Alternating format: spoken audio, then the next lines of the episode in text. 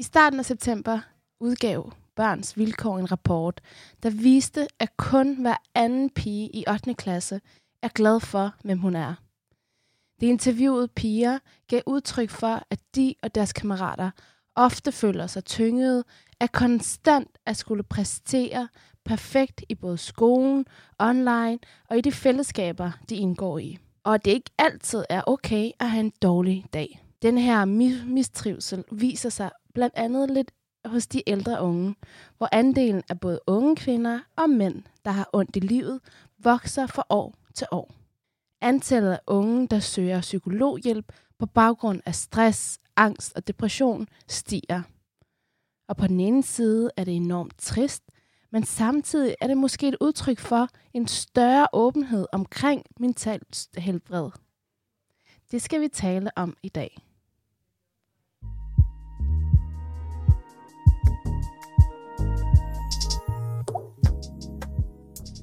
Unge har alt for lidt indflydelse i dagens samfund. I hvert fald, hvis du spørger mig. Mit navn er Manila Gafuri, og jeg er på en mission sammen med Ungdomsbureauet om at sikre unge mere magt. Jeg ønsker forandring, og det kræver magt. Så derfor vil jeg undersøge magtbegrebet ud fra forskellige vinkler.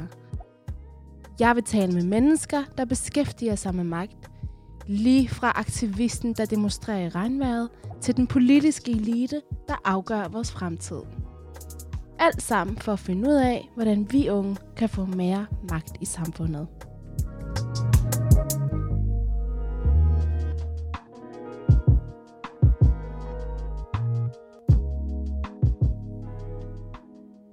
Okay, Manila. Okay, Gunvar. Jeg vil sige, jeg har lige været i Kolding at lave sådan et øh, stort talearrangement, hvor gymnasieelever kunne sende taler ind. Ja. Det var sådan lidt ligesom, man kunne ligesom blive udvalgt. 20, de 20 bedste taler, dem tog vi ligesom med videre. Og vi fik sikkert 40 ansøgninger, og jeg vil i hvert fald sige minimum 10, måske også mere end det, skrev taler, der handlede om præstationspres ja. og om dårlig mental helbred, om enten stress eller angst, eller på en eller anden måde at de ikke havde det godt. Mm, ja. Og det var både drenge og piger i gymnasiealderen, der skrev det. Er det noget, du også nogle gange har mødt? Nu ved jeg, at du arbejder med unge i forskellige sammenhænge. Er det, er det noget, du oplever? Det er helt sikkert noget, jeg oplever. Og, og noget, jeg også oplever, det er, at øh, fagfolkene vil rigtig gerne have sådan en mening med, hvordan, hvorfor har du det dårligt? Hvad er, altså, sådan, der må jo være en årsag. Og noget af det, de unge også fortæller mig, det er, jeg ved det ikke, hvorfor jeg har det dårligt. Jeg kan bare mærke det i min mave. Ja, det er, det, det er virkelig trist. Og jeg, og jeg ved heller ikke netop, nu har jeg også talt rigtig meget med min kollega om mm. det, for vi kunne se de her taler sort på hvidt, ja. at der var så mange, der ikke trives. Og vi snakkede både netop om, hvad årsagen var, og så ja. vi kunne gøre ved det. Og jeg tror virkelig, vi havde det sådan, ja, vidste ikke, hvor vi skulle tage fat henne. Ej, og det, øhm, det var også noget, der Elias Bahile kom ind på i forhold til unge og præsentationsangst. At det er også virkelig noget, han genkendte i sit gymnasie og det miljø, og det var noget, han også virkelig satte i fokus af ung til ung, netop også. Mm. Ja, og nu kommer vi til at snakke lidt om lidt forskellige undersøgelser i løbet af i dag, og der blandt andet den her nationale sundhedsprofil, der udkom sidste år, der er vi to, Manila, vi lige i målgruppen for mistrivsel. Altså det er unge kvinder mellem 16 og 34 år. Og er det også noget, du sådan ser blandt de sådan lidt, lidt ældre? Jeg tror, at corona har helt sikkert øh, gjort noget ved os og ved vores... Øh, ja, og måske tvunget os til at se øh, ind på vores sådan, indre kerne. Ikke? Øh, det har det i hvert fald ved mig. Jeg kan ikke lige, altså, være lige så social i så mange timer, fordi der kan jeg godt mærke, men så trives jeg ikke i det, i det sociale. Og jeg er ellers et menneske, der lever af at være blandt mennesker og, og andre energier. Men det er ligesom det, corona har gjort ved mig. Og sådan set indad, og hvad er det, jeg vil og ikke vil. Mm. Og på den måde kan det også være, at man, man vågner lidt op på en eller anden måde, og, og, og tør at snakke om det højt. Mm. Hvad, hvad med dig, Gunvar? Ja, altså jeg kan virkelig kende det, både, både for mig selv, og også for folk omkring mig. Og jeg ved ikke, jeg kan ikke helt finde ud af, om det egentlig er blevet værre, og jeg kan ikke, altså sådan, kan ikke lade mig at mm. tænke, om det ikke også er lidt noget, der hører med til livet, men at vi bare er begyndt at tale mere om det, og måske også, at der er kommet mere åbenhed omkring det. Altså en af de ting, man kunne gøre, det er at søge hjælp hos en psykolog, og det, det kender jeg mange, der gør, og jeg synes egentlig, at der generelt er kommet også mere åbenhed omkring at søge psykologhjælp. Så måske er det egentlig nærmere et tegn på, at man får taget hånd om det, der er på spil. Ja, og i sidste uge havde vi jo også Louise Hjort i studiet, hvor hun også bare i en sætning fik nævnt, at min psykolog mener det her. Og det har jeg også hørt flere snakke, også mine veninder. Min psykolog mener, jeg bare skal sige det, så det er jeg begyndt at sige. Det, er en, det må være enormt let at kunne sige det. Mm. Um, fordi, ja, jeg tror, det må være lettende.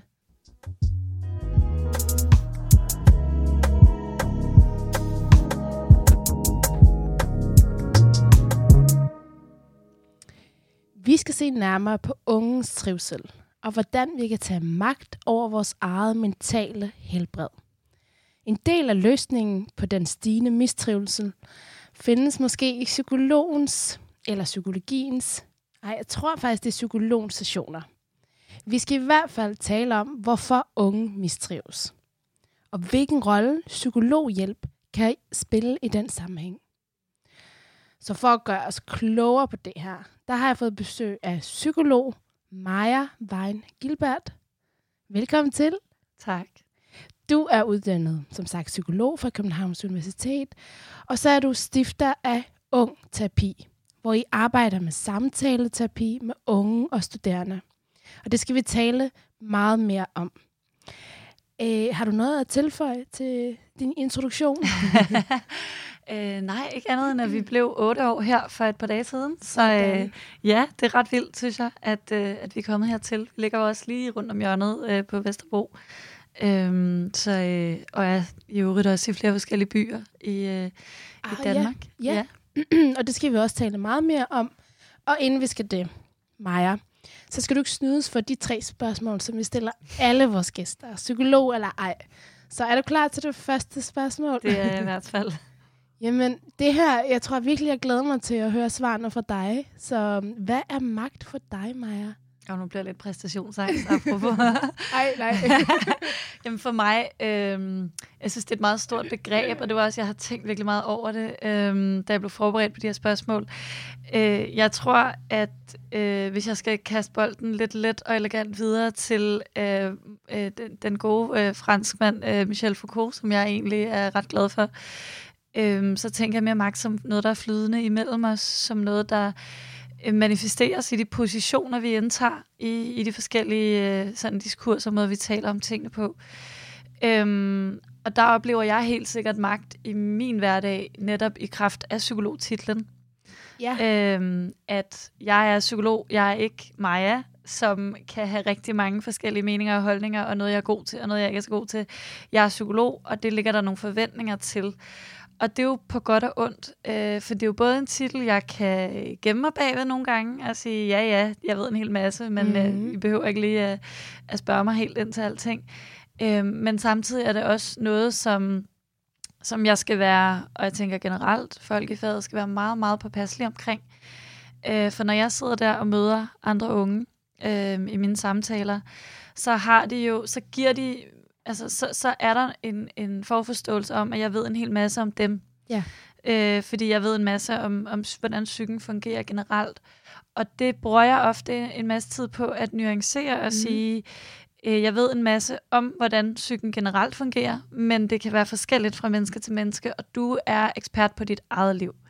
Så jeg er ekspert på processen. Jeg er ekspert på, hvordan vi to fælles skal, øh, hvad kan man sige, udforske dit sind og finde ud af, hvor du skal hen. Øh, det gør vi sammen. Men den proces er jeg ekspert på, men jeg er ikke ekspert på dig. Mm. Og det mm. synes jeg er enormt vigtigt, fordi det er vigtigt for et menneske at beholde sin egen viden om sig selv. Ellers bliver man overrulet af, af nå ja, men hvis du siger, at jeg har angst, så er det nok det, jeg har. Øhm, og det bryder mig ikke om, sådan at ja, og tale det på den måde. Det fører mig måske videre til det næste spørgsmål i forhold til, hvornår du føler dig magtfuld. Jamen, det er det. Det er det der med, hvad øh, har du... Øh, altså, det sker jo tit, og det forstår jeg godt. Altså, det der med, hvad kan det være? Hvad er det, jeg... Øh, hvad er det, jeg bøvler med? Hvad, altså, det bruger vi jo... Og selvfølgelig... Det er jo ikke fordi, at jeg bliver ved med at sige, det ved jeg ikke. Øh, fordi jeg ved jo også nogle ting, og det er også det, det skal jo også stå ved. Ja. Helt i starten, da jeg var nyuddannet, så havde jeg ikke så meget lyst til at påtage mig den, det ansvar, for det føles meget stort. Men man kan gøre det på mange måder, for magten vil være til stede i rummet, uanset om jeg siger, jeg er altså ikke ekspert her, så er der nogle forventninger. Øhm, så, så det er det der med, øh, kan jeg have en ADHD-diagnose, eller hvad synes du, det lyder som om, at min ekskæreste er øh, borderline, yeah. eller, og altså være ekstremt, det er der, jeg føler mig meget magtfuld, men være ekstremt bevidst om, hvad det er, jeg siger, og hvad jeg ikke siger i de tilfælde, fordi det bliver taget meget mere bogstaveligt, end, end det, jeg måske egentlig selv tænker, når de lige vælter ud af munden på mig. Øhm, så, så det, der føler jeg mig helt sikkert magtfuld, men øh, det skal virkelig også altså, behandles ja. øh, ordentligt. Det skal det.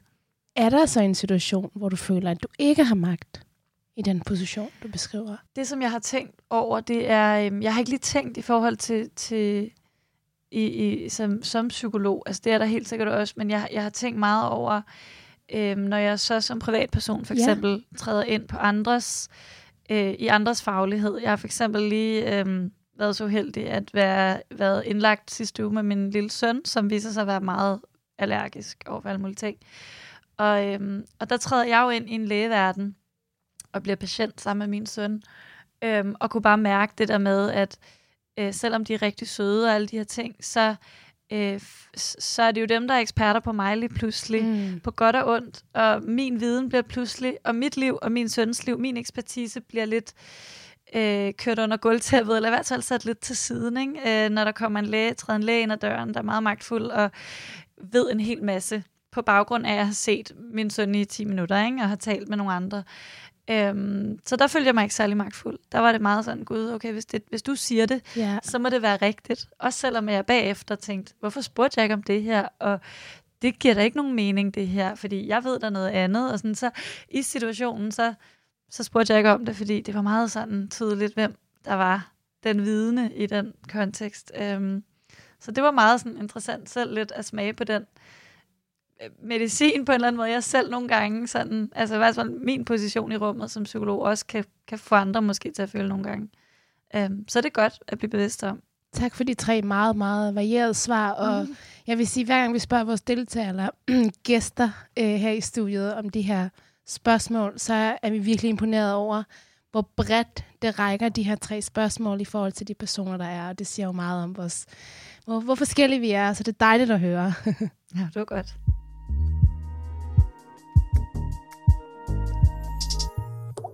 Sidste år der gennemførte og udgav Sundhedsstyrelsen en omfattende undersøgelse af danskernes sundhed.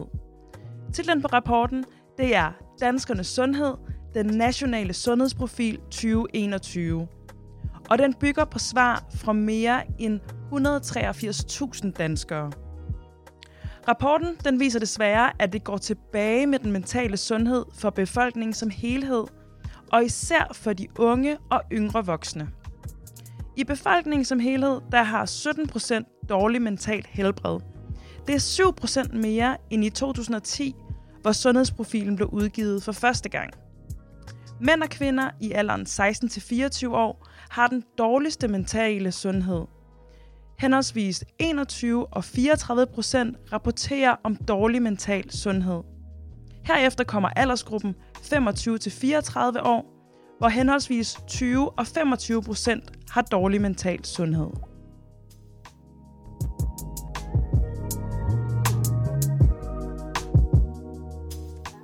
Du lytter til Ungdomsmagt, og mit navn er Manila Kafuri.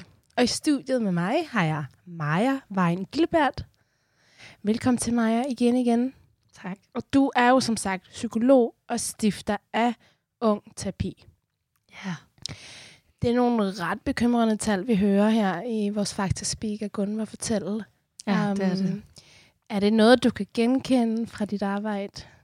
Ja, altså det, det blev også tit spurgt om, og det, øh, og, og det kan jeg jo bestemt, men jeg er jo også meget biased, kan man sige, fordi jeg snakker jo ikke med andre end unge, der har det dårligt. Mm. Øhm, men jeg kan jo se, at øh, nu fik jeg nævnt før, at øh, vi bliver otte år, eller vi er blevet otte år her 1. oktober, øhm, at øh, hvor efterspørgselen på psykologhjælp til unge øhm, er steget meget markant. Øhm, og det er altid svært at vide, er det fordi, at øhm, vi ligesom er blevet mere etableret og så videre, så kender flere os. Det er det jo også, men det er også fordi, der er sket noget øh, inden for de sidste 10-15 år øh, med øh, unges mistrivsel. Ja, og hvad er det der sådan, hvis man kan sige det, så, øh, sige det sådan, kendetegner de unge, som de har det altså, dårligt med, eller det, det. Jamen, det er mange forskellige ting, og ja. jeg Ja. tror også, det er vigtigt, at vi skal skelne mellem øhm, dem, som øh, får en konkret diagnose,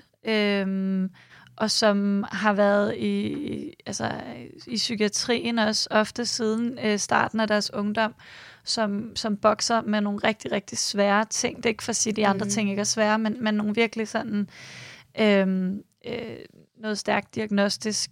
Og så øh, generel mistrivsel blandt unge, som nogen kan, altså sådan, der, er en- der er ret mange af vores klienter efterhånden, som kommer ind ad døren med en angstdiagnose eller depressionsdiagnose, øhm, eller stress. Stress er jo ikke som sådan en diagnose, øhm, i det system i hvert fald. Øhm, så, så der er diagnoser på, men det er af en karakter, som kan, kan variere meget mere. Øhm, og, og, og dem, altså vi ser helt klart en kæmpe, kæmpe stor stigning i, i den her type, altså de her type problemer, øhm, vi kalder dem for treenigheden, angst, stress og depression, Ja. øhm, som følges ad og påvirker hinanden, øhm, hvor der ofte ligger en sådan et, et, et meget lavt selvværd under det hele, mm. og driver det frem. Øhm, så vi, vi arbejder rigtig meget med de her ting, og, og i høj grad med selvværd også. Ja. Ja, og nu nævner du selvværd. Er der nogle andre sådan, øh, kendetegnende værdier eller tilskrivelser af de unge, I arbejder med? Altså man kan sige, øhm, med alt det her, der følger jo, følger jo også en stor ensomhed. Øhm, ja. Det der med at være alene og, og tabu og skam over, altså en kæmpe, kæmpe stor skam over at have det dårligt. Øhm, vi, ople- vi arbejder jo, man kan sige, vi er jo en privat klinik, så det er jo selvbetalende unge. Det er ikke nogen, der kan henvises fra det offentlige, desværre, det vil vi gerne være. Øhm, men så, så det er, jeg kan godt tillade mig at sige, at det er unge, som er i den mere sådan ressourcestærke ende af spektret, eller sådan øhm, fra Ja. mellem til ressourcestærke, de er alle sammen stort set på videregående uddannelser, øhm, eller i gymnasiet, og øhm, altså, de, de, de bakser i hvert fald med rigtig mange ting, som, øhm, som præstationsangst for eksempel, øhm, og, og rigtig altså sådan lavt selvværd, ingen tro på sig selv. Mm. Øhm, så det, altså, ja, det, det er meget den type problemer, vi ser. Tror du, det på en eller anden måde er sværere at være ung nu, end gå så en gamle dage? Jeg tror, det er anderledes svært. Jeg tror, øh, alle ungdomsgenerationer har bakset med nogle forskellige ting. Øhm, jeg tror, at det, der gør det rigtig tricky i dag, det er, at, øhm, at de problemer, unge møder ude i verden, øhm, som er meget almindeligt, det har, man har altid talt om ungdom som en dannelsesrejse, hvor man skulle møde en masse ting for at blive et dannet menneske. Øhm, men dem vender man indad.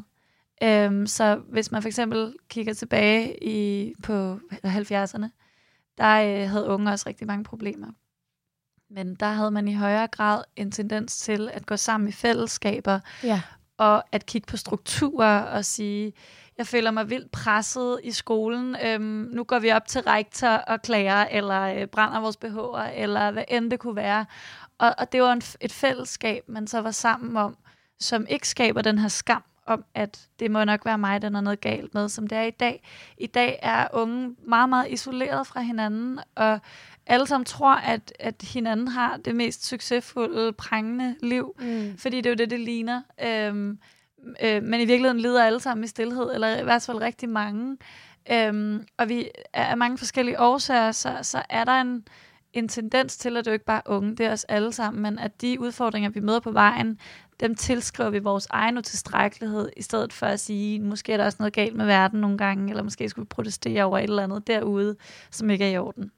Og, og tror du det her med, at du siger, at det ligner jo, at øh, altså det der med at kigge ind og sige, at jeg nok ikke er den eneste, der har det sådan. Der er nok flere, men at vi ikke viser det. Er det i forhold til sociale medier, der også er, hvor, hvor stor en magt har det i, i den her siger, sammenligning? Ja, men det har en rigtig stor magt. Altså, øhm, jeg vil sige, at det er vigtigt at skelne, fordi der er også Ja. nogen, som er meget travlt med at gøre de sociale medier til djævelens værk og sige, ja. det er kun på grund af det, at øh, unge har det svært. Og i alle sådan nogle her...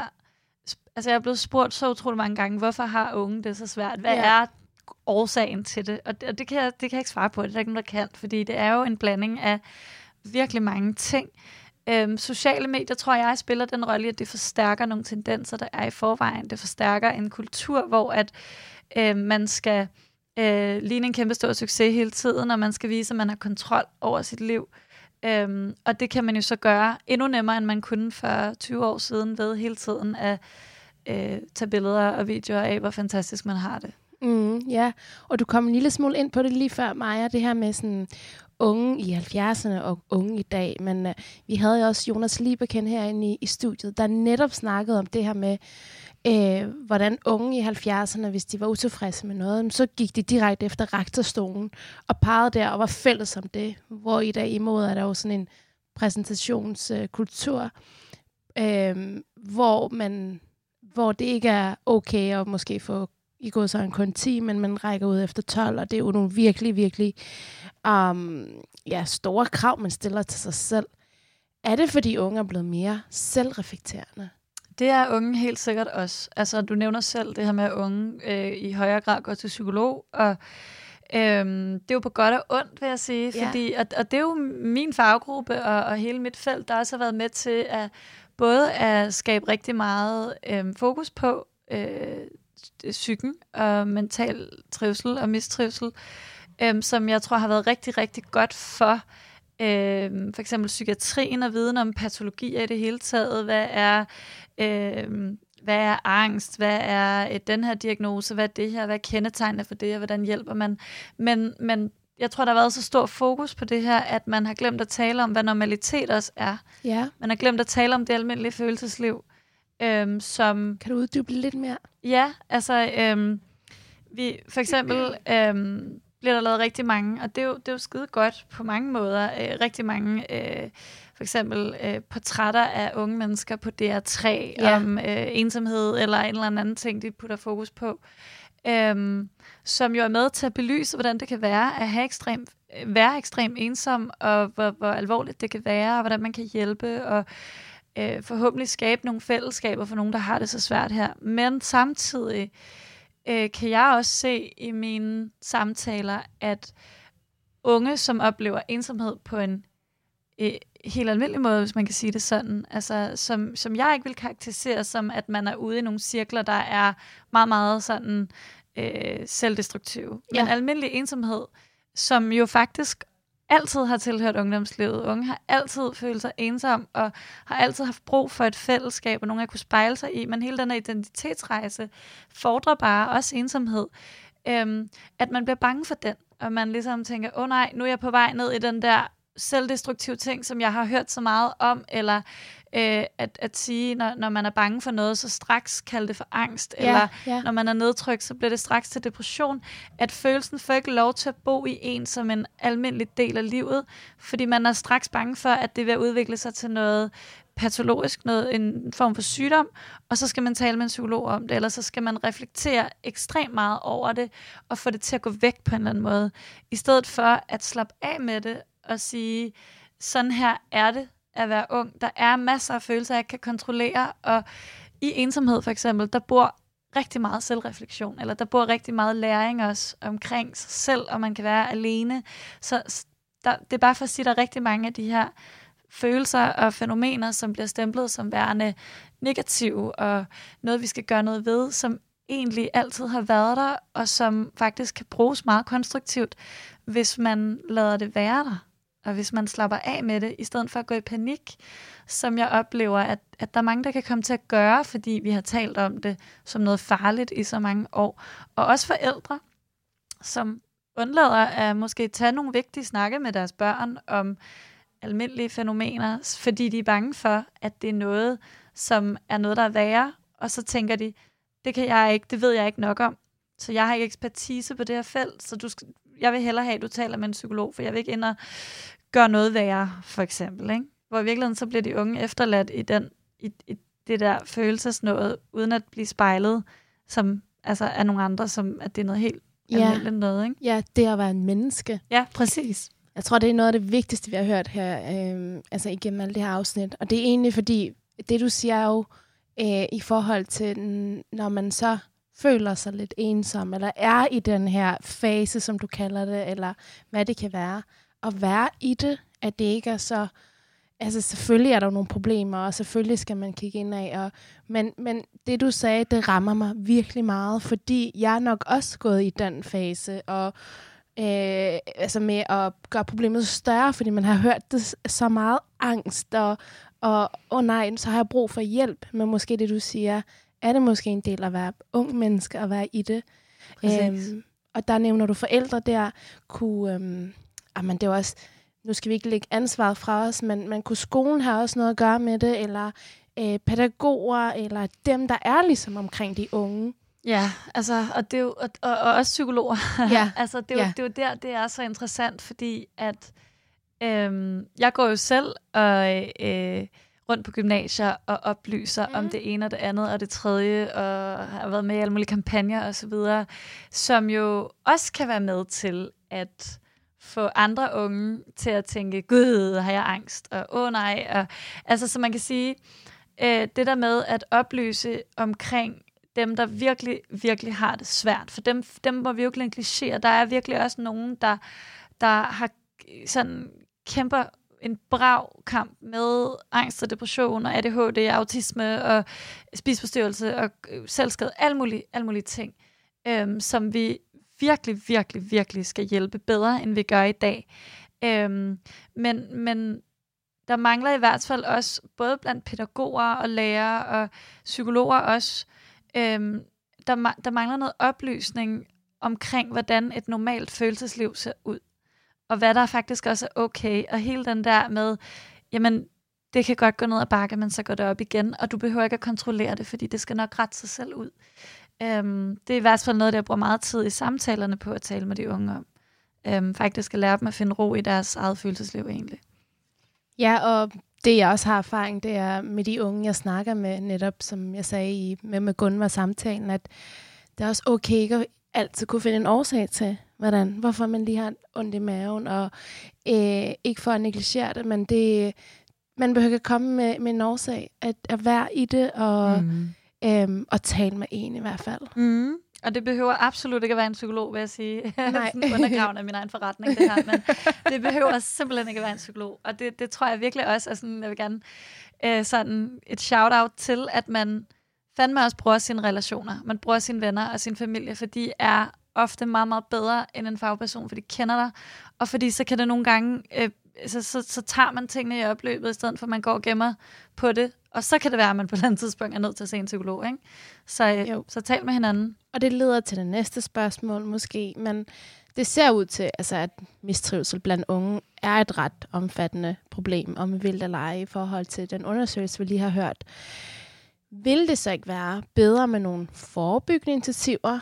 Det kunne være samtaler, som du nævner der, så unge aldrig fik behov for en psykolog. Jo, altså det kunne man jo godt sige. Det, altså, forebyggelse er altid bedre end behandling. Øhm, men det er, altså man kan sige, jeg, jeg arbejder meget med, at det er en kombination af mange forskellige ting, mm-hmm. Mhm. mistrivsel. At det er jo både en kombination af det, som, jeg, det, som vi lige har talt om, med en, en måde at have det med sit eget følelsesliv på, at man kan være ekstremt øh, bange for negative følelser og for negative perioder, eller sådan svære perioder af sit liv. Øhm, fordi, at, fordi at vi har en kultur, hvor at vi alle sammen skal være glade og lykkelige hele tiden, og det skal helst blæses op på de sociale medier konstant. Ja. Øhm, men, så det er en kombination af det, øh, at være rigtig dårlig til at møde det, der er svært, men det er også, det er også noget med, at øh, Øh, vi lever i en tid, som du selv har sagt, præstationssamfund øh, og så videre, hvor at, at der er nogle store forventninger til, hvad man skal opnå i livet, af mange forskellige grunde. Så det er jo ikke noget, de unge finder på, at de, altså du sagde i din intro, at du har mødt mange unge, som siger, jeg har det bare sådan, jeg ved ikke, hvor det kommer fra. Og det møder jeg også rigtig mange unge, der siger, øhm, og som tænker, at det må være noget, de selv har fabrikeret. Og sådan, det skaber en enorm skam, fordi jeg har det jo, jeg burde jo, jeg er jo så privilegeret, jeg burde jo have det så godt. Ah, jeg ja. kommer jo fra en velfungerende familie, og så alligevel, så kan jeg slet ikke finde ud af, hvad der er, der foregår med mig. Og så skaber det endnu mere skam, og så holder man det inde i sig selv, fordi det er pinligt, at den her øh, curling-unge, eller hvad man ligesom bliver kaldt øh, af de ældre generationer, ikke alligevel kan finde ud af sit eget liv, når det er, man, man har haft det så godt. Og, og der er bare virkelig, øh, der, der er virkelig mange misforståelser omkring, øh, hvor svært det kan være at vokse op øh, i en tid, hvor at alt burde køre, og hvor at der ligger nogle forventninger til, at altså, jeg kalder det lidt for uh, generation no excuse. Altså, der er bare mm. ingen undskyldning for ikke at blive en succes. Og det ligger bare et gigantisk pres, øhm, som, som jeg vil sige starter med at komme udefra. Det kommer fra noget samfundsmæssigt. Vi er, vi er gået fra et velfærdssamfund til et konkurrencesamfund. Øhm, og så, man kan sige, efterhånden, som man vokser op, så begynder det at bo inde i en selv. Øhm, så tror man, det kommer indenfra. Og jeg vil, ja. Jeg vil gøre alt for at dele det her afsnit meget mere, end jeg har gjort med de andre. Så unge sidder og lytter til dig, Maja, og lytter til det, du siger. Øhm, det, gør, det gør virkelig, virkelig stort indtryk på mig. Mm. Øhm, så tak for dine ord.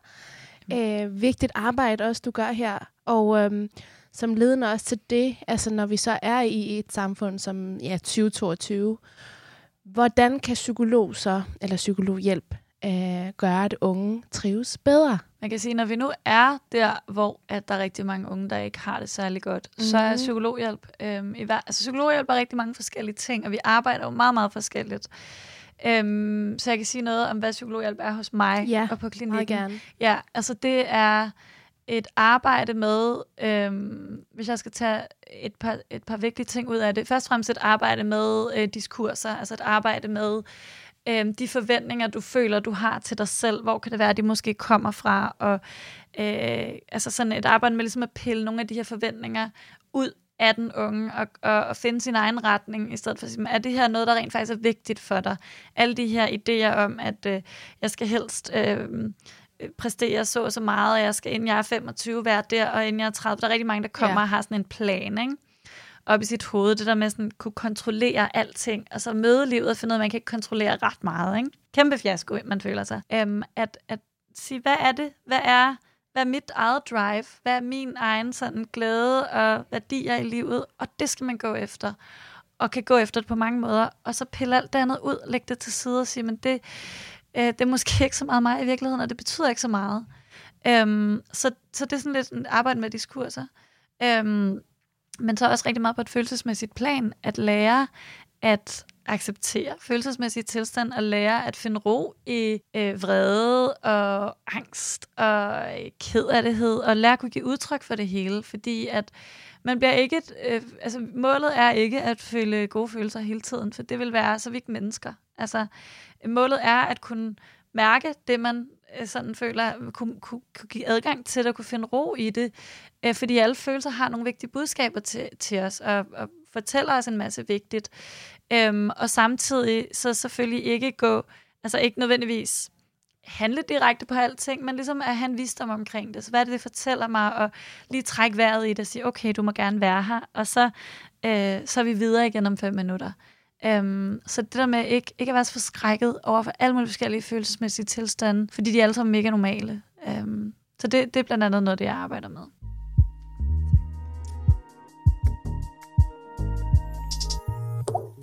Et forløb hos en psykolog er forskelligt fra person til person.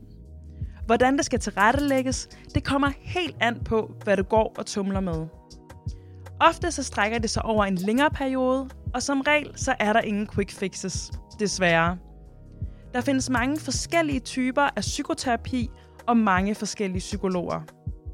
Og det at finde den rette psykolog handler rigtig meget om kemi. Så hvis du ikke føler dig godt tilpas eller tilfreds med den psykolog, du har valgt, så betyder det ikke, at der er noget galt med dig. Og du har altid fuld frihed til at vælge en anden.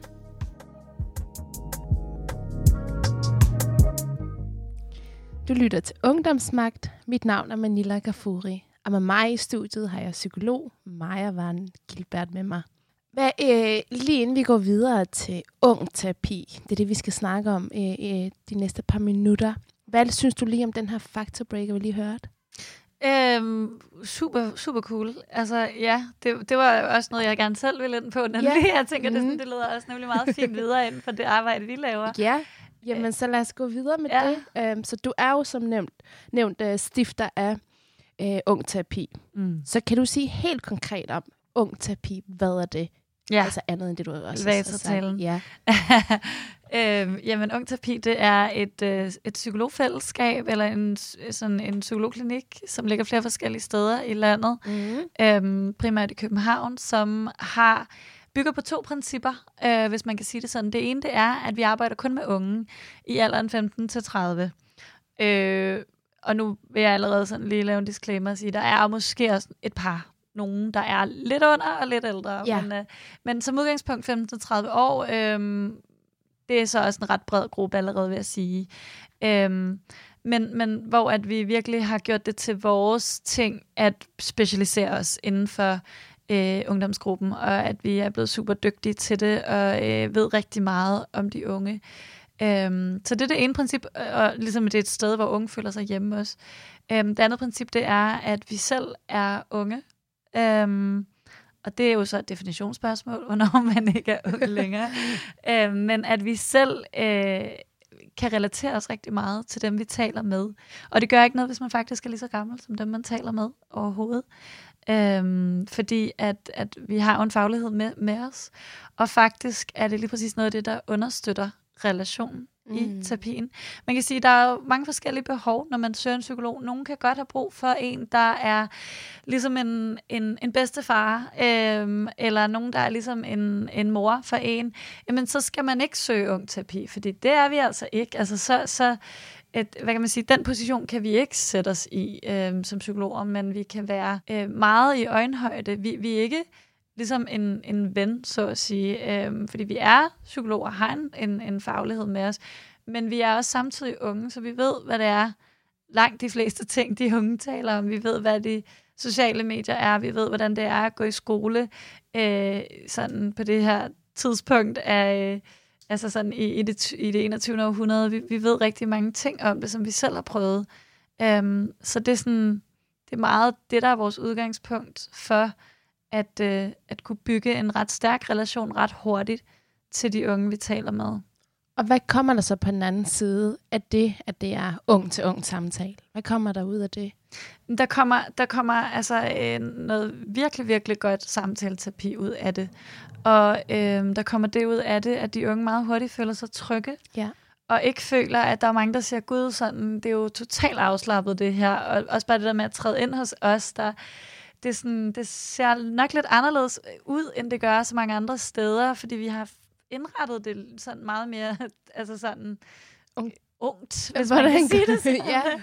ja. øhm, altså sådan, det er bare, vi går meget op i, at det skal være stille og roligt, og det skal ikke være sådan noget, uh, nu træder jeg ind et eller andet sted med nogen, der sidder og skriver på en blog og, og rynker på næsen en gang imellem, uden at fortælle mig, hvad det er. Altså sådan, det hele er meget åbent og transparent, og øhm, jeg synes, altså sådan, jeg har det for eksempel meget rigtig fint med at bruge et helt almindeligt hverdagssprog øhm, mm. i samtalerne. Jeg synes, det er meget fedt også at være bramfri, fordi det er også den, jeg er. Øhm, og det kan også måske tage brøden lidt af det hele og sige, det er altså også bare en samtale.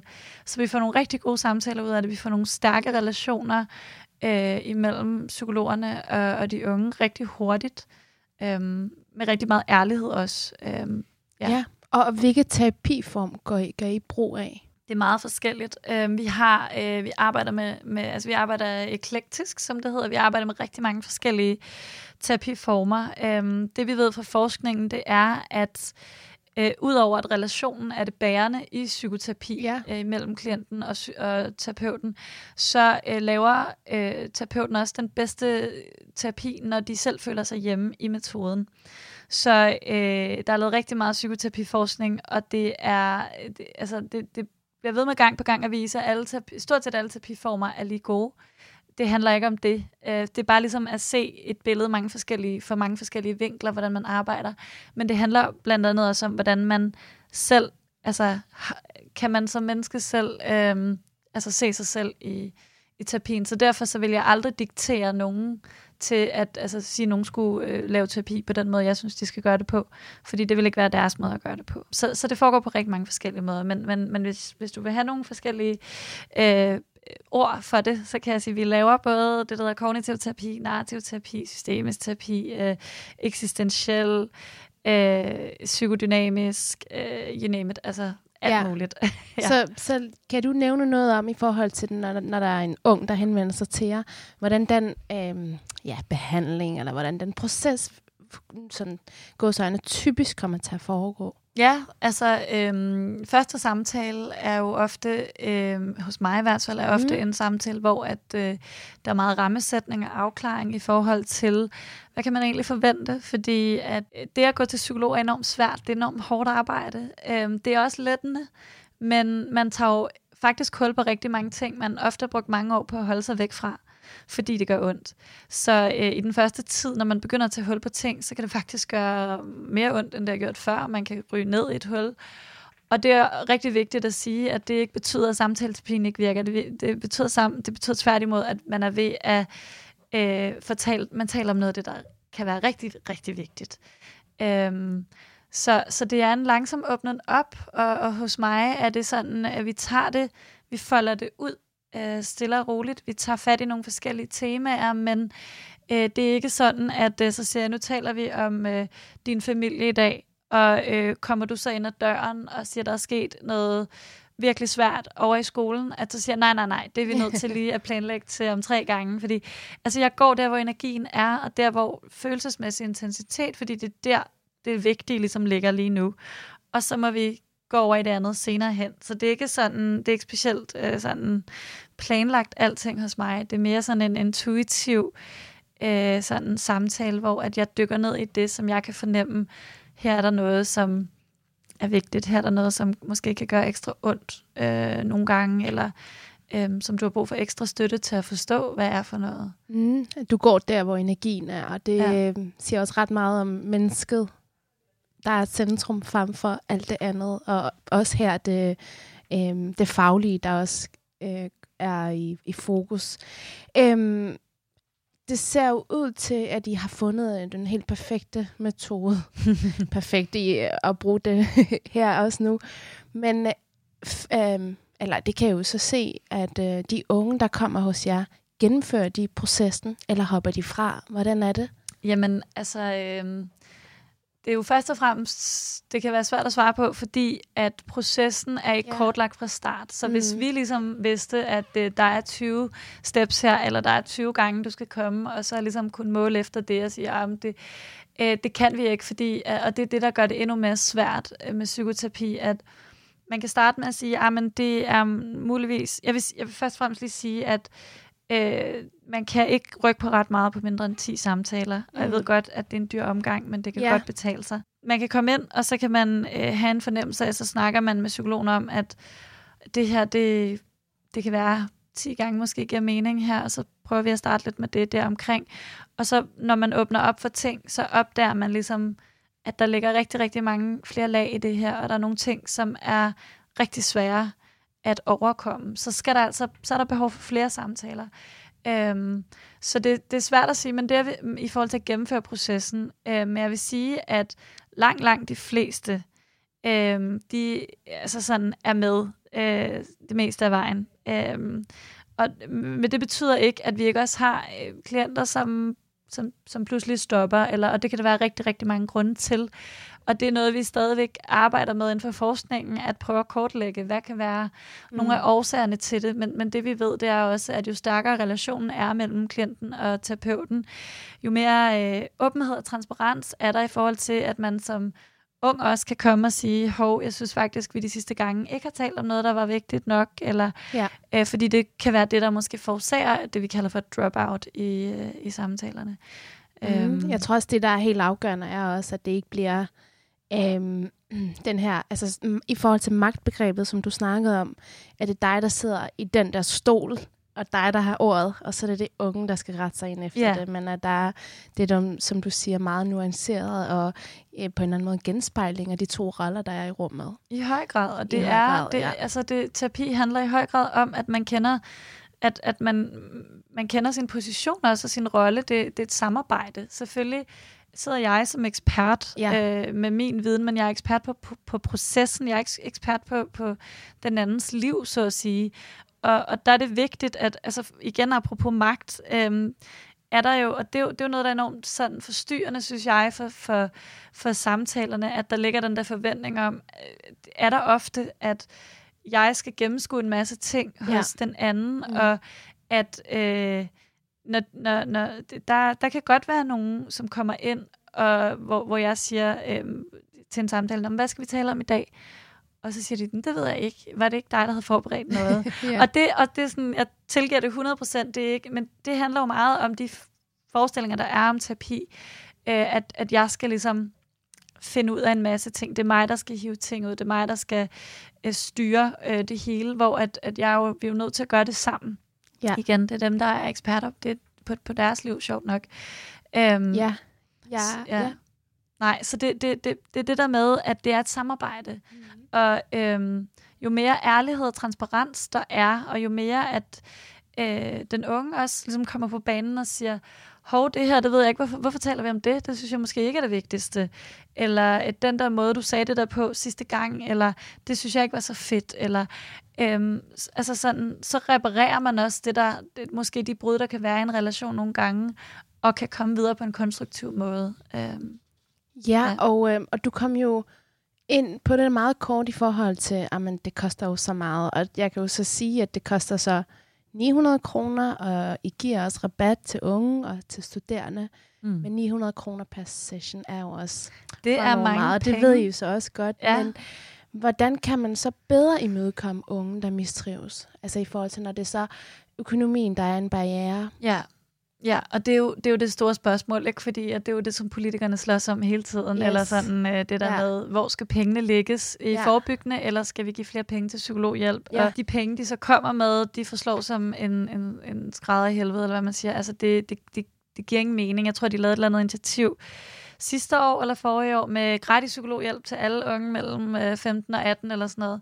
Og alle de penge, der var sat af til det, de var brugt den 9. januar. Ikke? Det startede 1. januar, det var fuldstændig absurd. Altså sådan, der er jo ikke... Det er jo dyrt, og øhm, ja. det er det jo af, af rigtig mange gode grunde. ja. øhm, man kan sige, det, det koster det, øhm, fordi at, øh, at, at vi for eksempel ikke kan sidde og have 37 timers samtaler om ugen, for det er hårdt arbejde, der er meget forberedelse i det, øhm, og så videre. Øhm, så derfor giver forebyggelse jo ofte bedre mening økonomisk, hvis man kan sige det sådan. Øhm, men der er også kommet rigtig, rigtig mange gode øh, gratis frivillige tilbud, som jeg også vil råde de unge til at bruge. Mm-hmm. Øhm, I høj grad, der er jo den gode headspace. Øh, det er selvfølgelig vigtigt at vide, at man taler ikke øh, med en psykolog i headspace. I hvert fald ikke, så vidt jeg ved.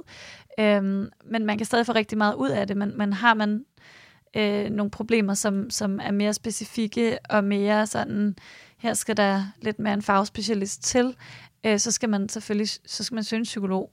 Men, men det kan man også gøre gennem sin læge, hvor man kan få noget rabat. Der er bare ventetid. Øh, så, øh, men, men jeg vil ærligt indrømme, at øh, jeg synes, det er en frustrerende situation, de unge står i i dag, og jeg synes, var det op til mig, så skulle pengene følge den unge, så skulle de unge, der har brug for øh, psykologhjælp, de skulle kunne vælge frit, hvem, hvor, de vil, hvor de vil gå til psykolog. Øhm, og, og, og det skal kunne være meget billigere i hvert fald, end det er i dag, hvor at man jo går gratis til lægen. Øh, hvorfor kan man ikke også få hjælp til sit sind, ikke?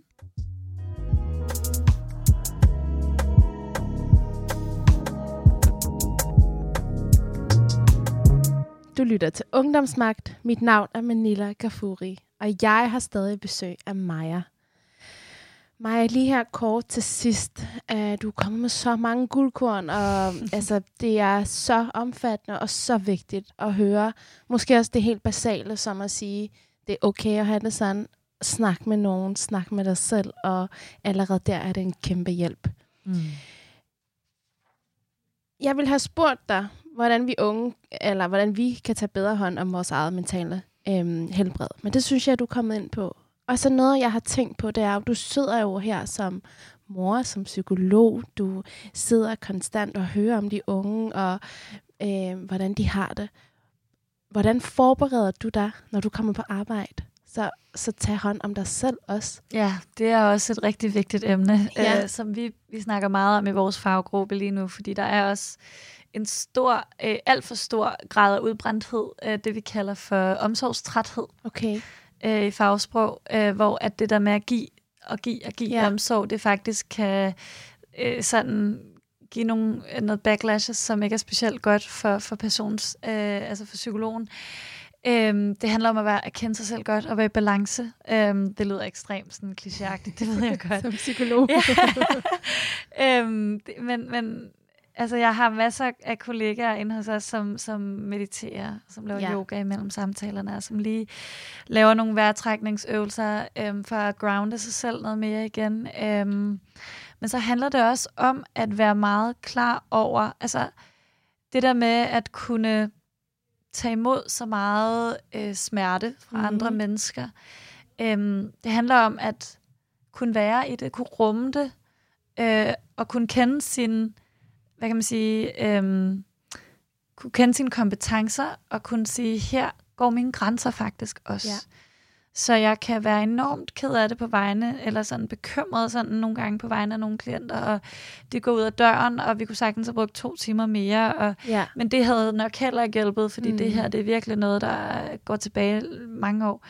Øh, men sådan lige træk vejret og sige, jeg har gjort alt, hvad jeg kan, og nu skal han ud i verden selv og prøve at, at, at stå på sine egne ben, indtil vi ses næste gang. Selvom jeg har lyst til at pakke ham ind og putte ham ned i lommen, mm. eller øhm, at, at, at ligesom kunne, kunne give slip og kunne acceptere og kunne øhm, have tillid på en eller anden måde til øhm, menneskets egen øh, healingsproces også at sige, det kan godt være, at han ser mega trist ud, når han går ud af det her rum, men jeg ved også af erfaring, at næste gang han kommer ind, så siger han måske faktisk, det har været en okay uge. Mm. Han Mm. havde lige sådan en nedtur, men han fik lige sig selv op igen øh, bagefter, så jeg ikke behøver at gå en hel uge og tænke, fuck, det går virkelig dårligt med ham, eller sådan, fordi life happens, og øh, vores rum handler jo også om at tale om det, der er svært. Ja. Men der er også så meget andet derude, Ja. som, som ikke er svært nødvendigvis Mm. mm. hele tiden.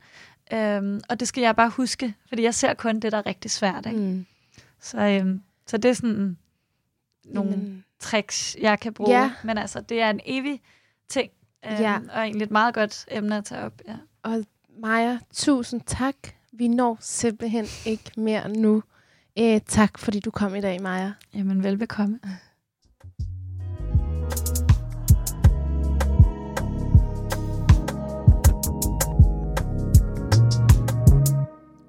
Ja, Manila. Jeg synes, nu fik vi snakket rigtig meget om det her med, at vi ikke ved, hvor det kommer fra, og hvorfor unge har det dårligt. Men jeg synes faktisk, der var lidt noget, der faldt på plads for mig. Jeg var helt vild med den her sætning, eller, for, eller begreb, som Maja havde med Generation No Excuse. Ja, Og jeg føler virkelig sådan, at det, det synes jeg bare beskriver det ret godt, i hvert fald noget af det, jeg nogle gange oplever. Også det Jonas Lieberkind, forskeren fra Aarhus Universitet, som vi havde ude til at fortælle om forskellen på 68 og nu, mm. At det er det her med, at vi er også bare så selvbevidste, og så føler os så privilegeret, ja. at vi egentlig heller ikke har lov til at have det dårligt. Mm. Og det synes jeg er ret interessant. Ja, og vi laver vores egne stopklodser. Det var vildt interessant og rigtig gode. Øh, jamen, det var, jeg tror, det var godt at bare lige helt sådan rundt om bordet snakke om det, stille og roligt at sige, det er en del af, af meningen eller af livet, og sådan er det. Og jamen, vi gør meget for at snakke med de unge, for unge, og hvordan det er, og hvor meget en samtale kan være en hjælp øh, at starte egentlig der. Så det var dejligt for mig at lige høre.